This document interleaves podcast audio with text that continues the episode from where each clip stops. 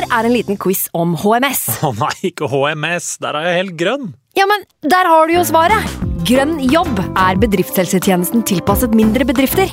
Våre HMS-eksperter hjelper mer enn 8000 bedrifter over hele Norge med alt fra lovpålagte HMS-krav til pålegg fra Arbeidstilsynet. Få på plass bedriftshelsetjeneste på grønnjobb.no.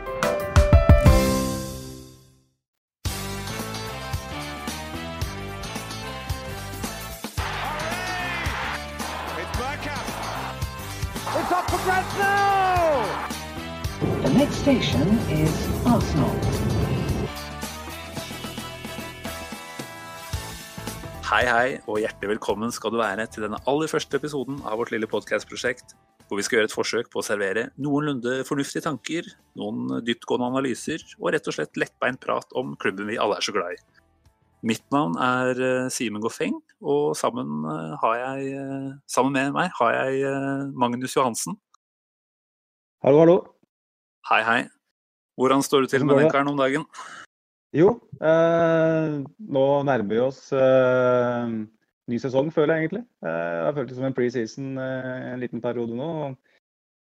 Eh, selv om det er denne sesongen eh, 2019-2020 som vi skal kjøre i gang igjen med, så eh, er det den gryende følelsen som du ofte har eh, foran en ny sesong. Eh, eh, det mangler liksom bare overgangsvindu i forkant, så, og folk på tribunen kanskje. Så ellers så blir det kommer til å føles som en clean slate for, eh, for oss alle. Um, Det er, alt, det er ikke alt som var som det pleide å være, men, eh, men jeg tenker nå kjenner vi vel at abstinensene definitivt har eh, Ja, de har vært til stede lenge. Det er vel tre måneder siden det ble sparka en ball sist eh, i Premier League.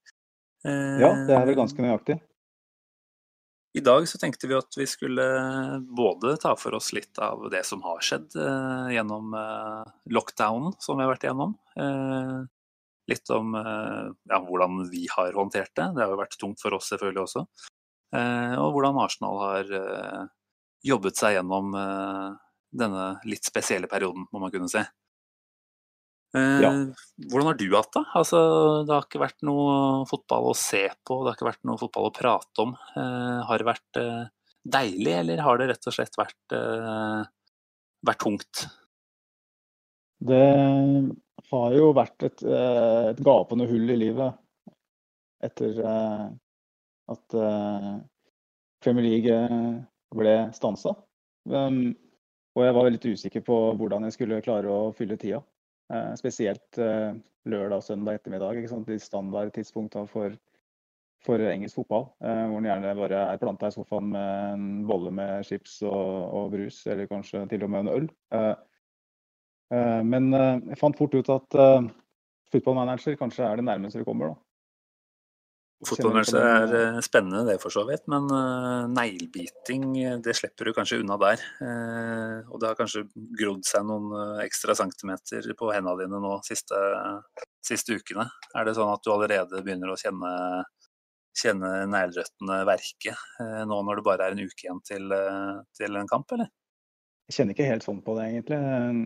Nå er det mer den derre eh, spenningen ved Ikke nødvendigvis hvordan resultatet blir, men bare det å bare komme i gang igjen, på en måte. Eh, følelsen eh, av å se Arsenal spille igjen etter eh, en lengre pause. Eh, hvem Ikke ane hva som venter. Nett, nettopp, nettopp. Så um, Supermanager har vært en, en hyggelig, men eh, ekstremt tidkrevende eh, avsporing for meg. Og jeg har vel nærmest eh, opplevd at det er destruktivt å drive med. Så jeg gleder meg til å kutte ut det. Så nå er det bare deilig å kunne konsentrere seg om ekte fotball igjen. Um, men, men du, har du fylt tida med noe fornuftig, eller har du ligget og rista under dyna? Ja, altså Rista under dyna hender det at man gjør, men jeg vet ikke akkurat hva du sikta til der. Eh, Jeg eh, har jo også hatt min dose fotballmanager. Har vel eh, kommet meg til et, eh, opp i et pent eh, antall eh, timer der. Eh, Merker jo at eh, jeg savner alle følelsene som, eh, som man selvfølgelig får eh, ved å følge et lag så tett som vi gjør. Eh, Gleden eh, som, eh, som gjerne ligger der i forkant, og spenningen man kjenner på. og Savner til og med skuffelsen over, over å sutter over, sutter over tapte poeng. Så det er litt flatere, rett og slett. Og jeg trenger litt fotball tilbake igjen nå, så jeg gjør det. Da vet du i hvert fall at, at fotball er noe for deg når du, når du savner det og når du savner lidelsen ved et tap. Fordi det, det er jo gjerne noe som eh, overskygger det aller meste i, i løpet av en helg. Hvis, eh, hvis, hvis vi går på et veldig surt tap, så går det utover ganske mye. Vi har jo, vi har jo som eh, Jeg er vel den yngste av oss i slutten av 20-åra, og har vel fått mye gode opplevelser med Arsenal opp gjennom åra. Selv om det skal sies at det nå har vært, vært tyngre de, de siste årene, selvfølgelig. Eh, Så jeg tenker jo den eh, Ja, kjenner, kjenner på litt sånn eh, spenningsfølelse nå om vi virkelig kan, kan være på vei tilbake igjen. Da. Det er jo jeg som blir litt vel optimistisk kanskje jo lengre tid det går mellom kampene. Men men jeg begynner å kjenne at det, det gror noen gode tanker rundt, rundt hva han godeste Mikkel kan få til nå. Altså. Absolutt, absolutt. Det er jo et aspekt her at når du har en lengre pause, eh, gjerne eh, ordinært sett eh, på sommeren og foran en ny sesong, så, så glemmer du litt det der negative og det tunge, og så fokuserer du på potensielt, det potensielt positive. Bare følelsen av å vinne og få tre poeng på lørdag klokka fire, liksom. Det er, det er nok til å liksom fyre på hele registeret av følelser. Altså, jeg, er fall, jeg er i hvert fall så enkel at det, det holder for min del. Ja, ja, ja. Eh, Gjerne, gjerne noen gode venner over eh, glass med og leskende. Så er det lite som slår deg, altså. Så det er jo litt viktig òg. Og det er spesielt nå, kanskje, eh, klare å, å ta de oppturene eh, Og ikke tenke altfor langt frem hele tida.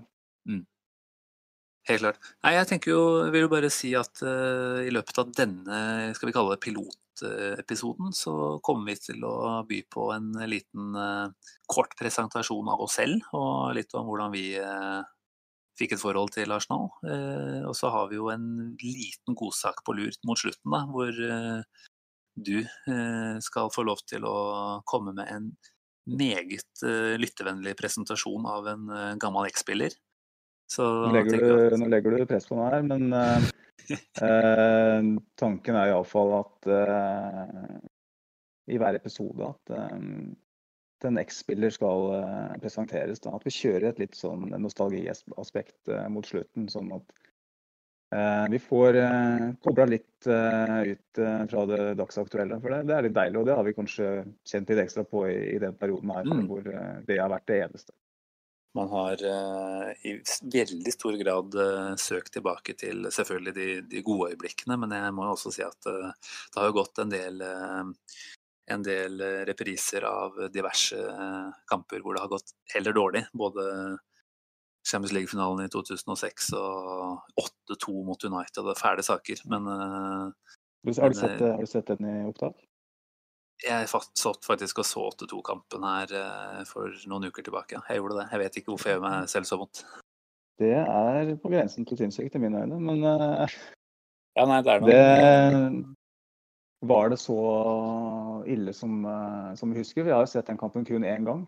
Eh, Jeg har ikke, ingen planer om å se den igjen. Ja, nei, altså, det var jo en uh, spes veldig spesiell opptreden. Jeg tenker kanskje ikke vi skal snakke så veldig mye mer om det, for å uh, ikke bare ødelegge denne podkasten før vi har kommet i gang.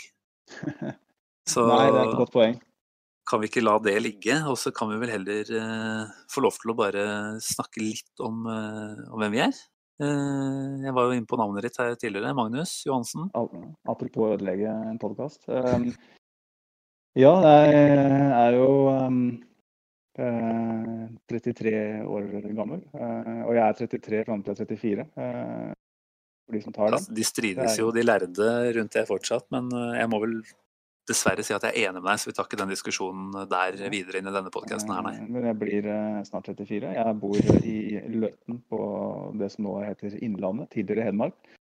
Og har vært svore nasjonalfan i- siden jeg var en sju-åtte år gammel. Litt Ja. uklart eh, eh, akkurat når uh, lidenskapen ble født. Så uh, har jo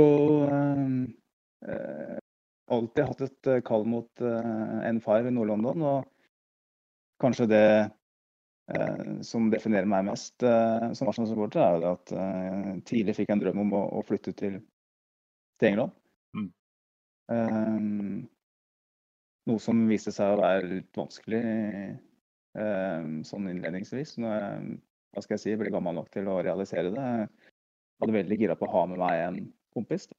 Så det var ikke før jeg var en 24-25 år, så fikk jeg med en, en, god kompis jeg møtte i militæret. Og flytta til England da i september, tidlig september 2010. Og fulgte Arsenal da i 2010-2011-sesongen. Eh, Hjemme og hadde borte. leilighet da fra ja, 500 meter fra Hybrid omtrent. Uh, hadde adresse N5 i, i ett år. Uh, fikk kjenne på klippen uh, hvordan det var å være en del av lokalmiljøet der. Og det, det tente jo ytterligere gnister i, i den kroppen her. Klart. Så det, det var en sesong som var litt, eh, eh, litt sånn standard eh, på den tida. Det begynte veldig bra, og så bra etter England, så kom vi til februar-mars og kollapsa alt. Skadene tok oss, og mentaliteten var vel ikke der den burde være, nei. Nei, så det, det er jo og Så er jeg, så jevnlig i London og ser, eh, ser Arsenal. men Alt fra to til fem ganger i året. Eh, Jeg er jo småbarnsforelder nå, så det er litt vanskeligere å få til i, jevnlige turer. Men eh, har Ja, det er unnskyldninger det går an å dra lenger ut på landet med. Det, det skal nok være gode muligheter allikevel, skal det ikke det? Jeg syns jeg får til ganske mye til å være småbarnsforelder, da. Eh, tross alt. Så det har vært eh, Arsenal har vært en eh, vanvittig stor del av eh, livet mitt veldig, Mm. veldig lenge. Og har eh, Jeg har liksom en drøm om igjen å kunne gjøre det samme og flytte tilbake til London og følge Arsenal tett. Fordi det, det er litt stress det der med å reise over på korte turer i helgen og sånn. Når du må hjem til skrikende barn osv. Så, videre. så um, ellers så eh, det er fint, det der. er Jeg tenker jo at, eh, tenker at eh, da kan jeg overta stafettpinnen og si at jeg, jeg kom jo dessverre allerede dit at jeg fikk flytta over. Jeg hadde også en drøm om det, men eh, klarte ikke å realisere det på noe tidspunkt. Jeg blir jo nå for så vidt noe optimistisk når du sier at du kanskje prøver en runde to der borte. Da er det ikke helt umulig at du får ofte besøk, i hvert fall. Nei, jeg tenker jo at det er mulighet for å, å joine der. Ikke sant? Nei, jeg heter jo da Simen Goffeng. Jeg er 29 og har vel egentlig hatt omtrent den samme, samme utviklinga som deg. Fikk vel først øya opp for eh, Arsenal kanskje når jeg var en ti års der. Eh, En far selvfølgelig, da, som eh, introduserte meg for fotball. Eh, Arsenal var jo ofte veldig fin å se på på den tida. Og, og interessen den bare tok seg opp eh, utover tidlig 2000-tall, og selvfølgelig når du fikk eh, 03-04-sesongen, eh, da var det liksom eh, Det var vel aldri noe vei tilbake uansett, men, eh, men da var det i hvert fall ikke noe tvil om at eh, dette her var et ekstremt fint lag å følge. Eh, og særlig da når de aller fleste andre selvfølgelig da har valgt seg eh, United, eh, gjerne da, eller Liverpool, så, så var det litt ekstra gøy å velge, velge litt uh, kontroversielt, hvis vi kan si det sånn. Så Ja. tenker vel at uh, jeg venta vel til 2005 før jeg fikk første turen min over, og kan fortsatt uh, huske de bildene av å ture opp trappene på, på Arsenal Station og ut i, ut i gatemiljøet der med duftende burgere og skjerf som henger rundt på alle disse små kassebodene. Eh, og derav har vi også kommet fram til at vi skulle kalle, kalle podkasten vår for nettopp Arsenal Station. Da. Syns at det, det gir mange gode assosiasjoner.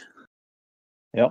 Eh, det er jo Du gir jo meg nærmest gåsehud der når du snakker om lukt av burger og trapper på Arsenal Station osv. Det er jo de sans, bruke sansene her og forestiller forestille seg både lukter og eh, synsinntrykk og lyder, ikke minst. Bare, bare det å høre eh, annonsøren på Piccadilly Line si at eh, nå er vi i ferd med å ankomme Arsenal Station. Det, jo, det gir jo eh, en gryende følelse i, i magen. Og det er vondt å tenke på at eh, det er ganske lenge til neste gang. Ja, jeg, jeg tenkte på det akkurat. Det er jo faktisk ikke umulig å reise til London kun for å ta tuben. Så jeg tenker jo at eh, hvis man eh, føler at budsjettet tilsier det, så går det an å dra til London, kjøre litt T-bane og se pub, eh, pubkamp. Det er ikke umulig. Hvis, hvis det blir veldig langvarig, så kan det kjenne at det blir medisin, ja. Det tror jeg fort det gjør. Men Via, vi, går jo noen år tilbake, vi også, Magnus. Møttes jo i forbindelse med felles jobb innenfor mediebransjen. Mm. Fant jo fort ut at vi delte samme passion for, eh, for laget. Og det gikk faktisk ikke veldig lang tid før vi satt på, satt på samme fotballstadion eh, tilbake i 2014. Nei, og det var ikke hvilken som helst eh, anledning heller. Det var ikke snakk om en, en hjemmekamp med, hvor det er enkelt å få billetter. Det var kanskje den viktigste kampen i Arsenals Nyere historie, nyere si historie, rett og slett. Veldig nye historie.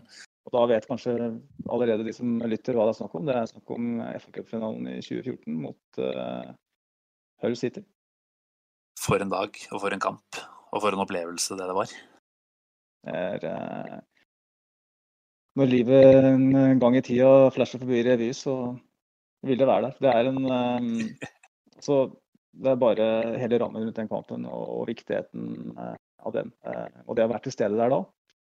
Skal ikke utbasunere altfor mye om det, men eh, det var iallfall uh, Hva skal jeg si? Vår felles lidenskap ble ikke noe svakere der. Nei, helt klart. litt om eh, Jeg har hatt noen, litt om den dagen, fine- Du så jeg skulle bare si at jeg har hatt noen, hatt noen fine 17. mai-feiringer opp igjennom. Men jeg må jo absolutt si at den 17. mai i 2014, det var, eh, det var nok en av de bedre dagene når jeg teller opp til slutt, altså. Ja, eh, det passer godt å flagge med rødt og hvitt, iallfall. Det, det gir sterke assosiasjoner. Um, men vi kan, jo, vi kan jo så vidt nevne litt eh, om, om den dagen. Eh, Du er jo så du er noen år yngre enn meg. Tåler kanskje litt mer eh, eh, skal jeg si, type liv med litt mindre søvn og hardere, hardere inntak av Du insinuerer nå at jeg begynte tidlig. Ja, fordi jeg og samboeren hadde jo tatt en eh, lang weekend i London, rett og slett. Vi reiste vel over på fredag og hjem mandag. Eh, Mens du reiste vel over på lørdag og hje- hjem lørdag, stemmer ikke det? Jeg var søndag på det. Ja, nei, det ble vel et døgn da, totalt i studietida. og Både begrensa tid og begrensa budsjett, så, så lot det seg ikke gjøre med så mye mer enn det. Så jeg kan huske at jeg ankom vel London med et par, par andre Gunners som jeg tura inn til, eh, inn til London sånn i åttetida med. Åtte-ni-tida. Eh, satt jeg og knakk første Heineken på, på toget inn fra Stansted. Og derfra gikk jo egentlig bare én vei. Det, ble, det var jo en varm dag, så det måtte jo selvfølgelig også drikkes en hel del for å holde, holde seg gående. Eh, uten at vi skal bare drive og prate opp eh, hvor glad vi er i øl her, så, så er det jo ikke noe tvil om at det er en del av eh, pakka det når man eh, er over i London. Og Mm. tura jo fort opp til eh, The Green Man, som ligger like på oversida av Wembley, og med fin utsikt ned til bua. og Der hadde vi vel i hvert fall eh, et av de bedre vorsene jeg har vært på noensinne. Hva sa du? Jeg sier at eh, vorset vi hadde på The Green Man, det, det er jo absolutt et av de, de bedre jeg har vært med på, i hvert fall. Ja, det er definitivt oppe på topp tre-lista av uh, vorspiel. Det er ingen tvil om. Det Det var jo fantastisk vær, eh, ikke minst, og utepils og 3000 Gunners eh, på en grasslette med utsikt mot Wembley eh, foran en cupfinale. Det, det blir jo ikke noe særlig bedre enn det. Det måtte i så fall ha vært en Champions League-finale. Det er, eh, det er så vanvittig stort å være en del av. Um, men vi hadde jo vi hadde jo eh, si, strevd litt for å få tak i billetter til den kampen. Det var en kamp alle ville på, eh, åpenbart. Eh, og hvis, hvis du ikke fikk billett gjennom klubben, som svært få fikk, så, så var det jo å, å søke rundt på nettet og prøve å finne et eller annet. Eh, vi, vi måtte jo betale ganske mye uten at vi skal gå inn på det. Ikke noe sånn voldsomt, men eh, langt mer enn det som eh, er normalt for en fotballbrett. Absolutt. vi fikk jo tak i tre billetter. Og det var meg, og det var deg, og det var min samboer. Stemmer. Som var gal nok til å joine ned til London den helga. Det er sånn de er i starten av forholdet, vet du. Da skal de, da skal de imponere. Ja. Jeg ble veldig imponert òg. Eh, jeg vet ikke om hun ble imponert eh, i løpet av den turen. Men vi, eh, vi hadde de tre billettene. Sånn I utgangspunktet så var det jo slik at vi fikk utdelt billetter. Så hadde jeg og du billetter ved siden av hverandre. Og så var det en billett til som var på motsatt side av stadion, som min samboer da fikk. Ja. Og da må jeg jo si at jeg setter veldig pris på sjenerøsiteten din der. At du da valgte å bytte med hun. Og jeg er jo usikker på om, om, om min datter hadde blitt født hvis, eh, hvis, hvis du hadde nekta det. Hun måttet gå på motsatt side der. Så det var iallfall da og grunnlag for en forhåpentligvis en, en bra podkast. Ja, nei, Det er godt å høre at du er fornøyd med det, det valget der. Jeg endte jo opp da ved siden av en far og en sønn på ja, omtrent øverste midtrad, nesten inn på grensa mot Hull-fansen. Og jeg, med tanke på disse tidligere inntakene av alkoholenheter, var jo relativt følsom egentlig fra ja, fra kampuret begynte å tikke. Og alle som husker den kampen, kan jo også huske at vi hadde en brutal start med 2-0 i underlege der etter en hva var det, åtte-ti minutter. Så jeg satt jo og grein, eh, og klarte jo ikke å skjule det spesielt godt. Eh, og husker at jeg fikk noen sympatiske blikk fra han sønnen, men eh, ikke, noe, ikke noe mer enn det heller. Eh, så jeg satt jo der eh, trist og ensom for meg selv og gråt meg gjennom deler av den første omgangen. og derfra gikk jo heldigvis alt mye bedre. Ja, eh, det endte jo godt. Og mm, når du er i den dypeste dal, så føles den tynne lufta på den høyeste topp enda bedre. For det var jo, var jo nesten ut av deg sjøl-opplevelse når han godeste eh, Aaron Ramsey Aaron. eh, satt den med utsida. eh, Drømmemannen. der. Da, da var det nesten Da, da begynte å, å klemme folk tre rader ovenfor meg. og Sånn. Det var ja, fantastisk. Havoc, som de kaller det.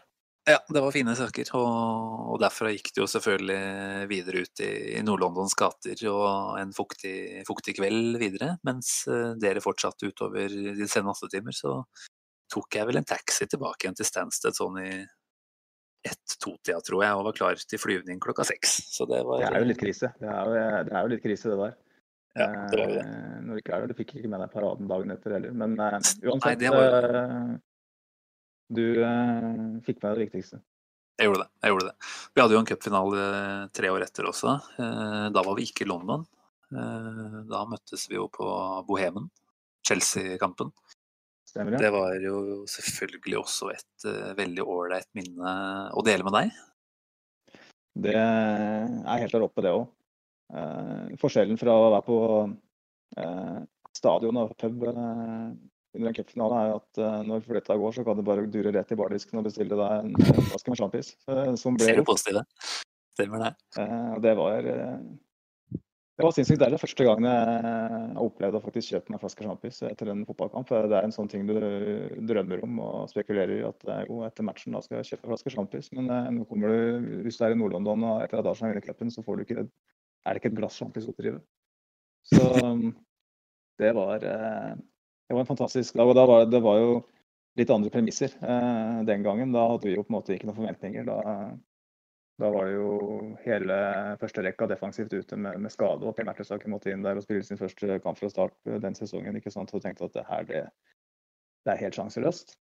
Så eh, det ble jo i stedet for en sånn der, eh, konstatering av at ja, at det, det her gikk ikke veien, eh, vi tar en par hus og snakker litt om det, så ble det eh, full eh, sjampisføring og dans og bole. Så det er slike øyeblikk som eh, gjør hele greia verdt det.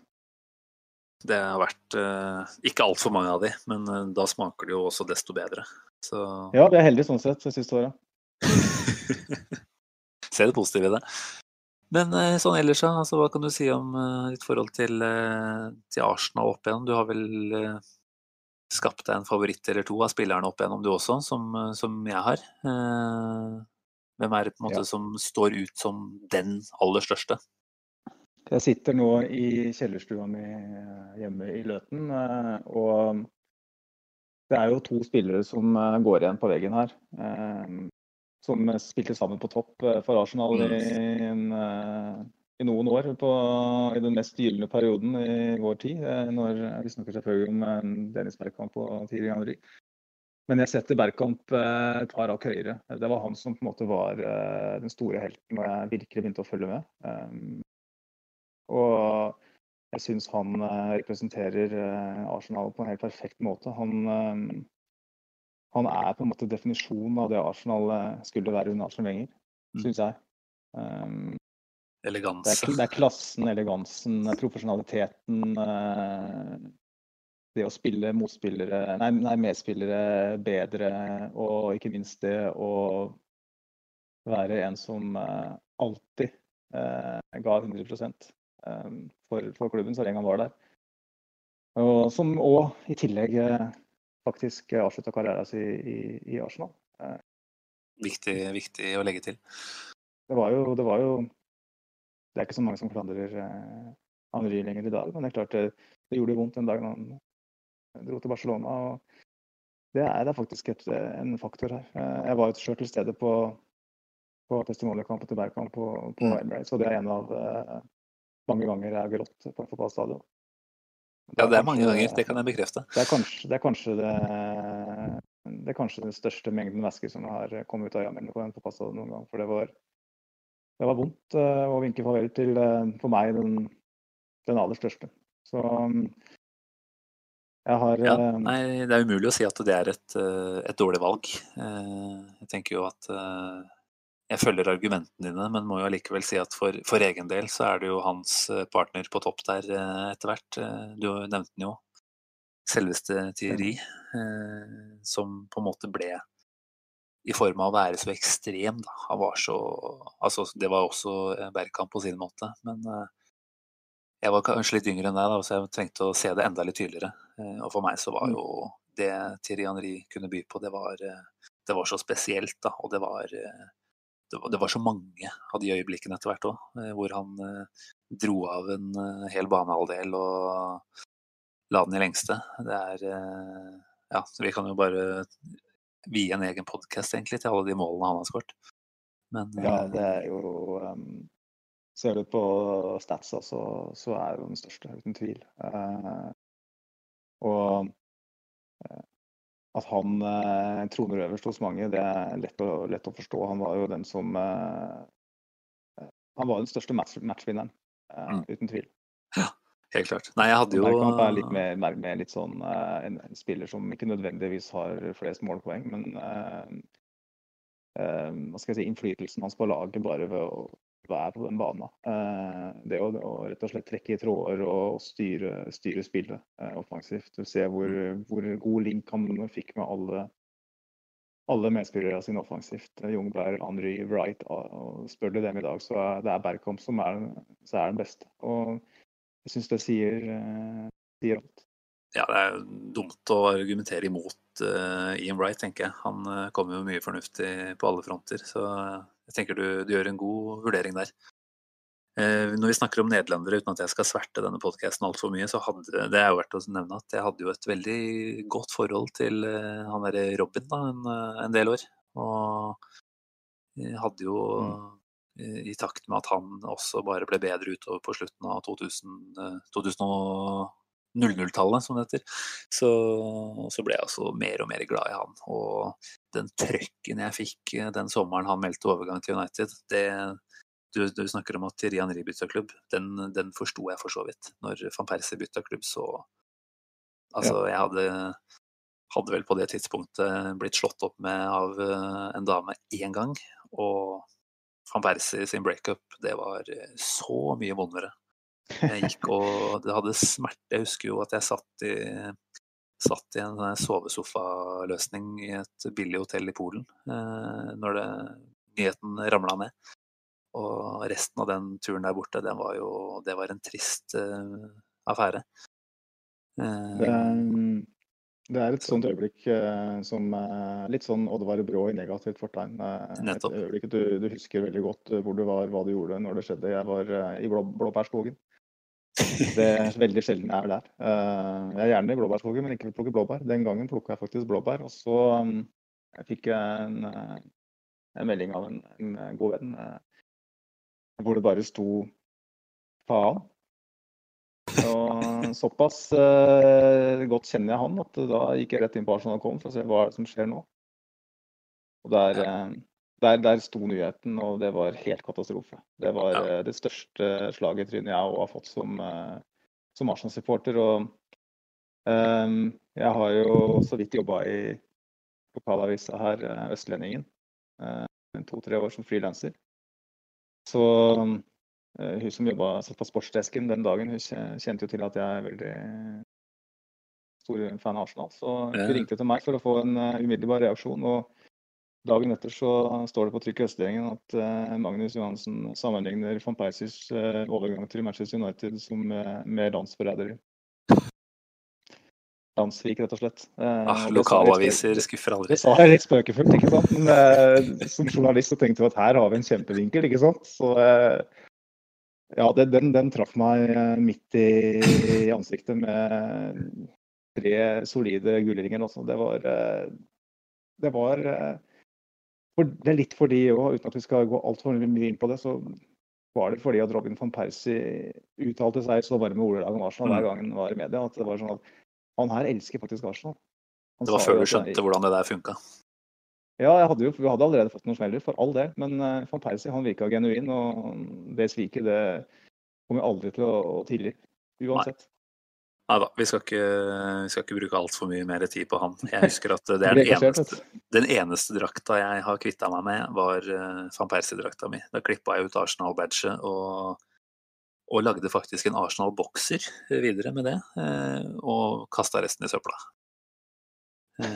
Så det var eh, ja, rett og slett eh, en søppelfyr i mine øyne. eh, til slutt. Ja, der, altså. jeg, eh, jeg vet ikke om jeg skal nevne det egentlig, men jeg, jeg, jeg, jeg var jo på Kveldsnytt den, den dagen. Var det det òg? var det. Jeg hadde en kompis i NRK som ringte meg og lurte på om jeg hadde lyst til å komme til Oslo og snakke litt om, om det. Og um, jeg var så forbanna at jeg tenkte ja, jeg, jeg tar toget nå. Jeg er kjempegira på å si noe om det. Jeg, har lyst, jeg har lyst til å Jeg har masse eder og gale innabords som jeg har lyst til å, å få ut. Og gjerne foran hele landet, hvis det er mulig. For det, det er sånn du tenker når du er eh, i affekt, som jeg var da. Og da jeg kom dit, så var det liksom, det var lighter og det var drakt. Og det var sånn Jeg angrer jo på det i dag. Eh, at jeg var med og tjente på den drakta. Du sier at dette ligger ute fortsatt et eller annet sted? Nei, jeg tror ikke det. Ja, det jeg, let, jeg leste Men eh, det var jo, jeg fikk jo noen reaksjoner på det. Jeg faktisk sendte på Arsenal-drakta. Sånn er det. Det, det, det angrer jeg på, men eh, det var, det var forrige Det sto selvfølgelig 11 von, nei, 10 von Peiser på den drakta. Det var sånn eh, Den fyren der kan brenne, var det som jeg tenkte da. Eh, og nå er jeg litt mer voksen og litt mer eh, reflektert, så jeg tenker at eh, jeg hadde ikke gjort det samme i dag. Men eh, sier litt om hvor mye han betydde for oss òg. Han Ja, var jo en helt nettopp. fantastisk spiller. Men faen, nå, unnskyld. Da blir det en explicit uh, merking på den her òg, ja. Uh, vi snakker ikke mer om van Persie i denne omgang. Det, Gjerne. jeg lurte på om vi skulle bevege oss litt over til eh, dagen i dag, ståa nå om dagen. Vi har jo en relativt tøff start på, på gjenopptakelsen her, med en bortekamp mot City om en ukes tid. Ja, Eh, vi tenker jo at vi Nei, vi tenker vel at vi tar en ordentlig et dyptgående eh, ferd inn på den kampen der nå i en ordentlig, ordentlig prematch-podkast eh, senere i uka. Men, eh, men eh, det er klart det er eh, det er lett å glede seg over at fotballen er tilbake, og så fuck, du kom på at det var bortekamp mot City. Da var det ikke så gøy kanskje allikevel. Nettopp. Eh, Du vil jo gjerne starte sesongen med en, eh, en lett hjemmekamp. Vet, vet du hvordan det er? Nå er jo ikke det her en sesongstart, men det som var inne på innledningsvis, så, så er det en ny start. Og du ønsker å få en best mulig start eh, på det. Og borte mot City, det er jo på en måte ja, kanskje det nest verste vi kunne fått eh, bak eh, Liverpool. Så mm, Eh, det er kanskje ikke forventa at vi skal få med oss all verden fra den, fra den kampen, men jeg håper at vi, at vi ser konturer av det Ariteta jobber med. At vi ikke blir eh, til en ball i hatt med. At vi faktisk eh, du, ser, eh, du ser at Arsenal har jobba godt i, i koronapausen. Og hvis vi taper fair and square for et bedre lag, så, så skal takle det ganske greit. Ja, jeg tenker jo at det er vel det de, de ni siste kampene her nå, nei, ti siste kampene er det vel for vår del, eh, handler om. Eh, se hva Arteta har fått til på tre måneder med samtaler og selvfølgelig nå veldig begrensa med, med, felttrening. Men eh, jeg tenker jo at vi bare ved å se et mønster, se hva, hva som prøves på, så klarer vi å få en viss eh, positivitet på plass bare, bare der.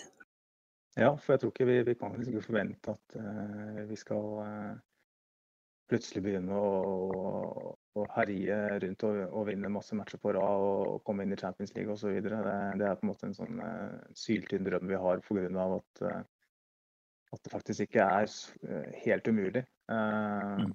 Men vi må jo stikke fingeren i jorda og innse at nå handler det om å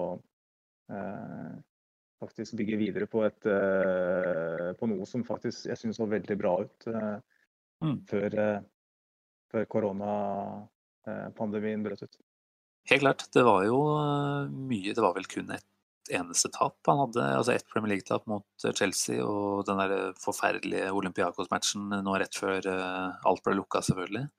Bortsett fra det, så Ok, det var noen det var noen Unnskyld. seg laget. Eh, I Premier League i 2020 så hadde kanskje Kanskje skulle vi bare ha kutta det nå og begynt igjen i 2021, så hadde vi hatt den eh, rekorden i hvert fall. Men eh, Vi tar den.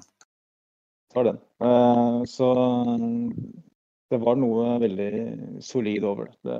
Og etter å ha sett eh, på den katastrofen som ble servert av Emry mot slutten, eh, hvor det ikke så noe kontur av noe som helst. Og, litt sånn var det egentlig under hele Emrys mm. periode. Så, så, det var veldig sterkt av Arteta på så kort tid å klare å, å sette et system. Det var liksom snakk om kamp nummer tre, så bare oi. Her ser vi allerede at, at, at det jobbes med noe på treningsfeltet. Helt klart. Nei, det var jo en, en klubb egentlig som bevegde seg i blinde under Emry mot slutten. Det var jo krise at han fikk lov til å holde på, på så lenge. Og, og, det er klart det, at Aitet har klart å snu eh, ja, spillerhuene der da, så fort som han har, det, det, tror jeg sier mye om han som, eh, som, type. Han har jo en kommunikasjonsform som i hvert fall jeg liker veldig godt. Eh, veldig tydelig og veldig flink til å å prate og få folk med da, på dette her. Så jeg kjenner at jeg har vært eh, relativt beroliget med tanke på at eh, det er han som har sittet på andre enden av disse Teams og Skype-samtalene med spillerne, og ikke Å oh nei, det hadde blitt en uh, trist uh, greie hvis det er han som skulle sitte der og prate motiverende linjer uh, til spillerne. Nei, det tror jeg rett og slett ikke hadde funka. Eh, med, med, de språkferdighetene og den manglende karismaen som han faktisk har. Eh, det er noe som flere spillere har påpekt eh, i andre klubber han har vært på. Han er en god taktiker, men han er ikke en karismatiker. Så Arteta, sammenlignet med veldig mange av managere i Premier League, så tror jeg han kommer til å komme godt ut av akkurat det her. Han er ung i tillegg, og det tror jeg er en fordel med tanke på å tilpasse seg en, en så uvant situasjon. Så han har jo ikke rukket å, rukket å, gå inn i noe skal vi si, spesielt mønster, kanskje, da, som trener. Så, så, jeg tenker at er det noen som er eh, tilpasningsdyktig, så, så, må det jo være han. han. Eh, han. har jo for et år han har hatt, eller for en eh, første, første møte med managerlivet, det har jo vært helt spesielle tilstander han har måttet forholde seg til nå i mange ulike former.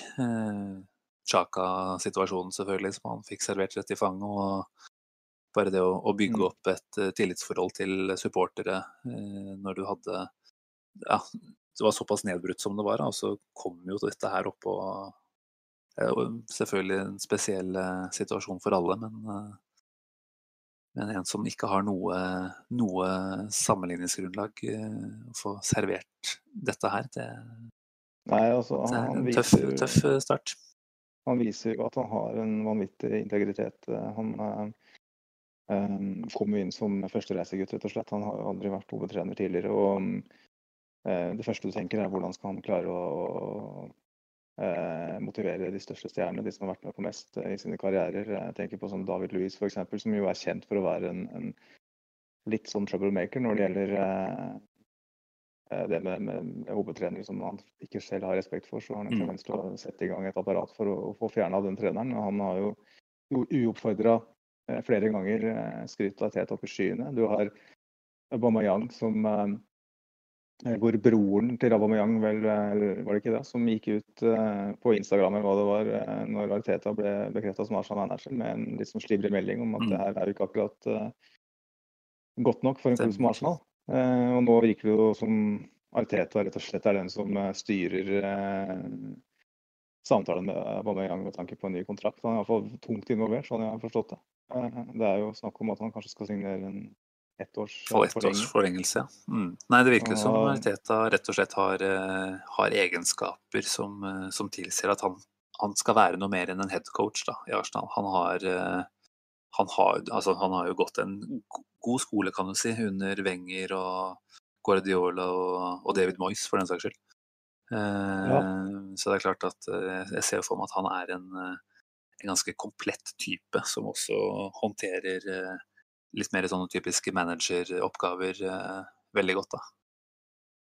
Ja, han virker jo å ønske iallfall å ta del i større bilde.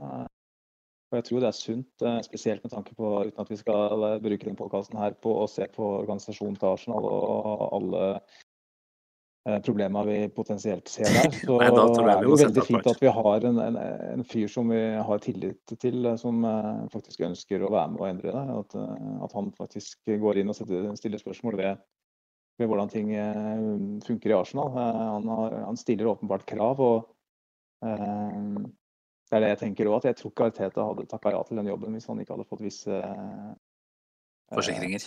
forsikringer. ikke sant? Mm. For Han virker ikke å ha for mye integritet Ja, han bare kommer jo- være en ikke-dukke.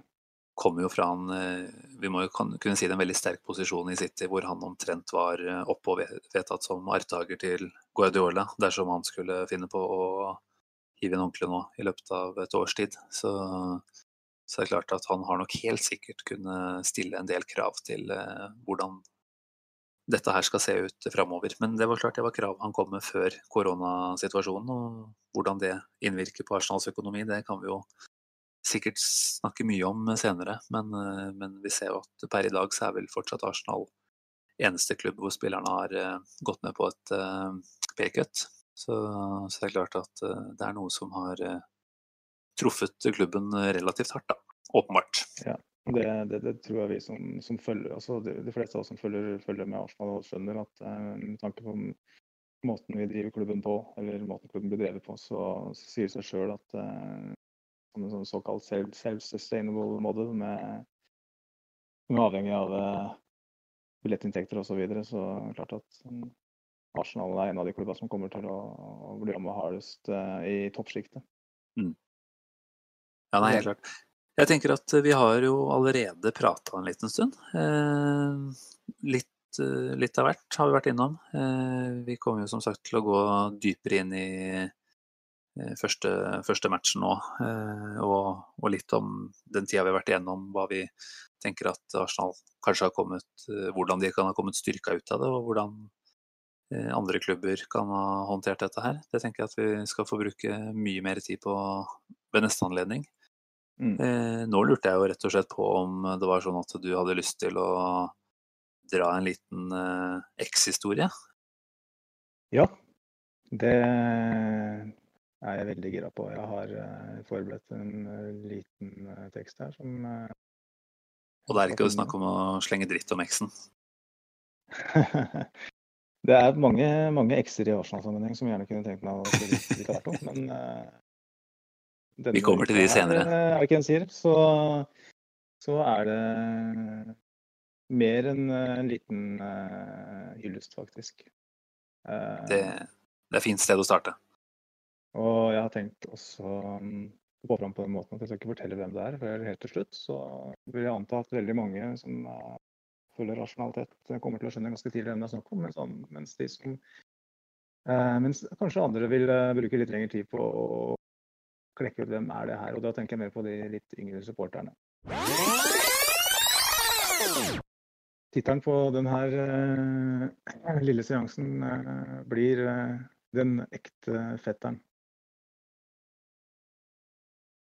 Hvis du spør en fotballsupporter med kjærlighet for en annen klubb enn The Gunners om han, hun eller hen vet hvem denne spilleren er, vil du i de aller fleste tilfeller bli møtt med et spørrende blikk og et skuldertrekk.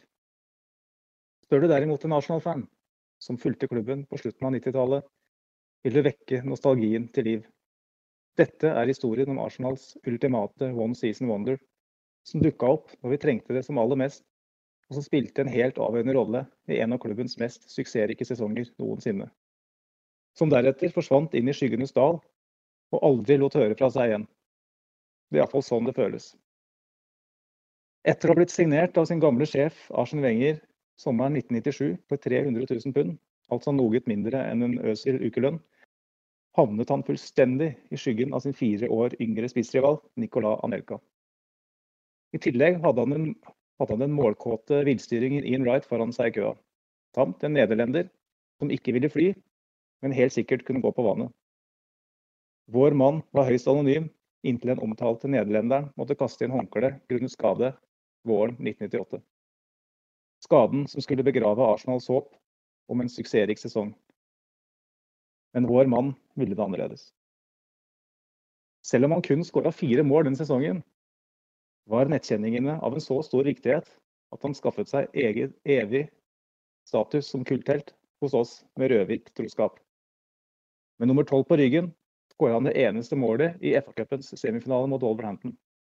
Han ble også eneste målskårer i ligaoppgjørene mot henholdsvis Bolton og Wimbledon, som i ettertid ble direkte avgjørende for at ligatittelen havna på ærverdige Highbury. Alt dette i løpet av noen få uker. Jeg kalte han kanskje en one season wonder innledningsvis, men det må nesten korrigeres til en one month wonder. En måned, tre mål, evig heltestatus.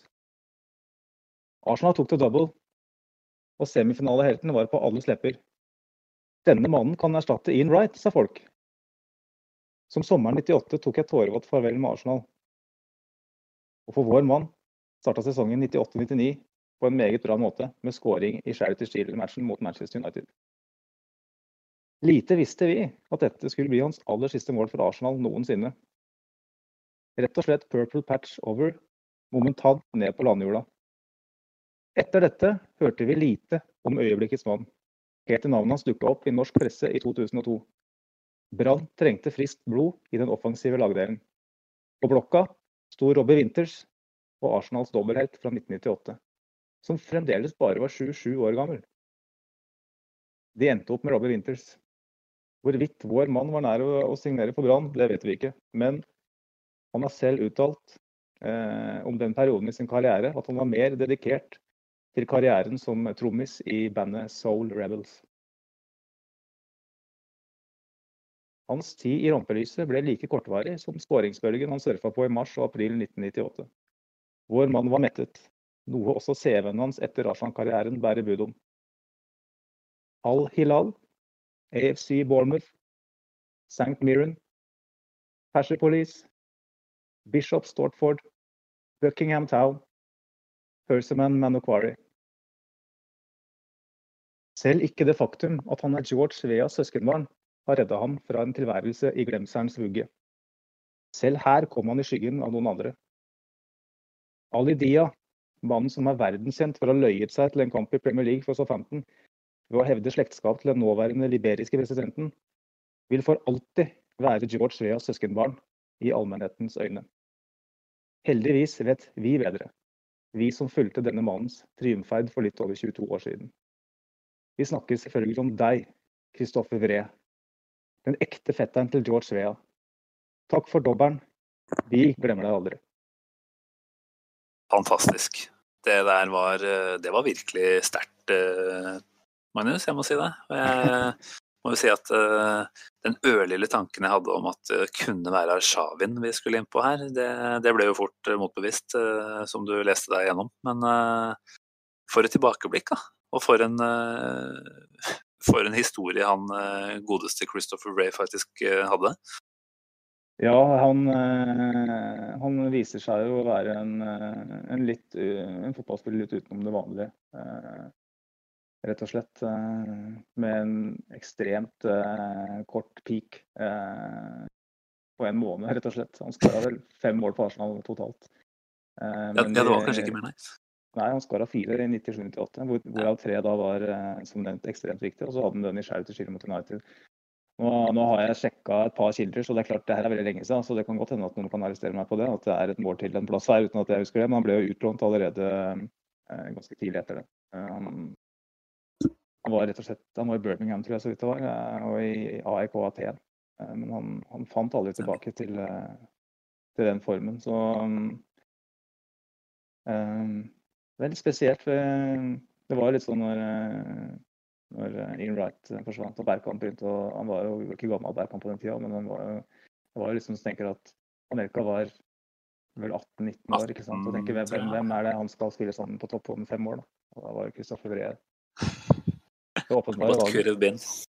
Ja. Det var vel eh, kanskje et fokus etter hvert der som eh, gjorde at eh, det var andre Jeg vet ikke, jeg husker ikke om skadene florerte heller, eller om det var eh, innstillinga til, til fotballen som, som kanskje ikke var helt der den burde være. Det kan godt hende at det var noe skade inni der også. Det er Mm. såpass lenge siden som sagt at det husker jeg ikke. Men han har jo spilt for mange klubber, og han har jo ikke fått det til i ettertid. Og jeg har sett bilder, jeg har sett bilder av han eh, i mer voksen alder, og han eh, har et par kilo ekstra, har jeg sett. Så det virker ut som kanskje dedikasjonen til fotballen var stor nok, da. Eh, Han var jo som selv da, som jeg nevnte, uttalt at eh, tromme, karrieren som trommeslager var viktigere. Og da, når du da på en måte tjener kanskje et par hundre tusen i uka for å spille fotball, og du heller vil spille trommer, så da er det Ja, kanskje noe som skurrer. Ja, det følger hjertet sitt, tenker jeg. Det er fint, det. Det er fint, det. Eh, fantastisk å fått den, fått den krat. eh, og artig å ha hørt et intervju med med- han er Det, det får være et mål. Nei, fantastisk eh, tilbakeblikk der, altså. Jeg gleder meg allerede til, til det vi har i vente i neste, neste episode.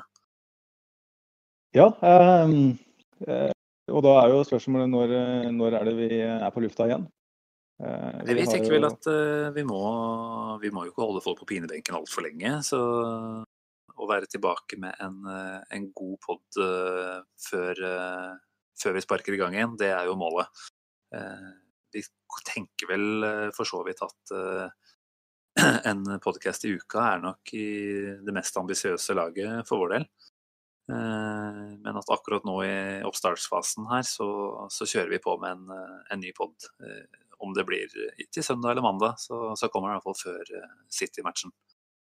Ja, og det er jo, eh, om det ikke allerede er påpekt, så er det her på en måte en sånn pilotepisode for å komme litt i gang og introdusere oss selv. Og, og neste episode blir på en måte den første skal jeg si, ordentlige eh, podkasten. Litt sånn som vi tenker å kjøre fremover med litt mer eh, dyp eh, pløying og, og analyse. Og, Og det er lov å si. Det kan vi bare si. Det er lov å si dyp pløying på, på pod.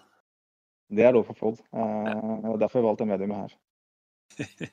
Ikke noe, ikke noe Hva heter det? Plakat vi treng, trenger å forholde oss til her. Så Nei, her blir det sikkert å fyre fra hofta? Ja. framover. Mm. Ja, nei, vi, vi kan jo bare glede oss til fortsettelsen. Eh, Det kan dere der hjemme òg, selvfølgelig. Eh, Vi har vel en Twitter-konto, i hvert fall, Magnus. Du er hovedansvarlig hovedansvarlig for SoMe. SoMe er meg. Ehm, den heter jo egentlig et Arsenal Station Pod, men ehm, det er at Pod Arsenal i ett ord. At Pod Arsenal med én D. Ehm, der eh, kommer vi til å legge ut episodene eh, med link til de forskjellige eh, avspillingsmuligheter vi har der, og, litt eh, Hva skal jeg si, ja? Eh, ytterligere snacks når det føles naturlig. Og så er vi også på Facebook. Der eh, heter vi også Arsenal Station Pod, og der er vi at arsenal.station. At arsenal.station. Det er notert. nå vi prøver, prøve, prøve å oppdatere begge de her, men eh, vi får se hvordan det blir etter hvert. Eh, vi har et liv utenom, så vi, får bare, bare kjøre på så langt vi klarer. Og så håper jeg at at dere som eh, nå sitter med nytrukket eh, te og under et pledd i sofaen, eh, faktisk forteller vennene dere deres om oss, og deler det deler på, på SoMe. Sånn at flere Arsenal-fans får muligheten til å høre. Vi håper, håper at flest mulig vil høre på. Det hadde vært veldig hyggelig hvis, hvis vi hadde fått en del lyttere. Eh, Ikke så farlig. Det går fint. Vi, vi trenger egentlig kun eh, et medium hvor vi kan prate oss imellom, er det ikke det vi trenger? Altså, Samboerne våre eh, skal få slippe unna, så derfor har vi satt i gang dette her. Det er rett og slett et eh, jo tiltak for å unngå altfor mye dårlig stemning hjemme. Ja, det her er jo absolutt en, eh, en ventil for å redde diverse fareforhold. Eh, og mm, sånn sett, men eh, vi oppfordrer eh, allikevel folk til å dele eh, både Twitter og, og Facebook-sidene våre.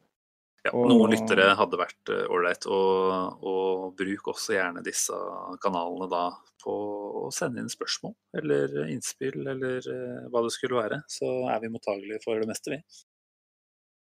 Her er det bare å skyte fra hoften. Eh, snakke fra levra. Eh, innspill og forslag, det sier vi ærbødigst eh, takk til hvis vi får. For det, jeg tenker jo at, eh, at, at feedback eh, kan eh, styre narrativet i enkelte episoder. Og hvis det er noe som kommer noe interessant som vi kan snakke om, så kjør på. altså. Definitivt. Helt klart. Nei, men Da tenker jeg vel egentlig det bare gjenstår å si eh, tusen takk for eh, at dere blei med på denne første eh, lille premieren. Eh, endelig er Premier League tilbake, og vi er tilbake om noen få dager med første skikkelige episode. Eh, gleder oss eh, til det, og håper dere titter innom igjen i den omgang. Takk for i dag. Vi går for Arsenal back.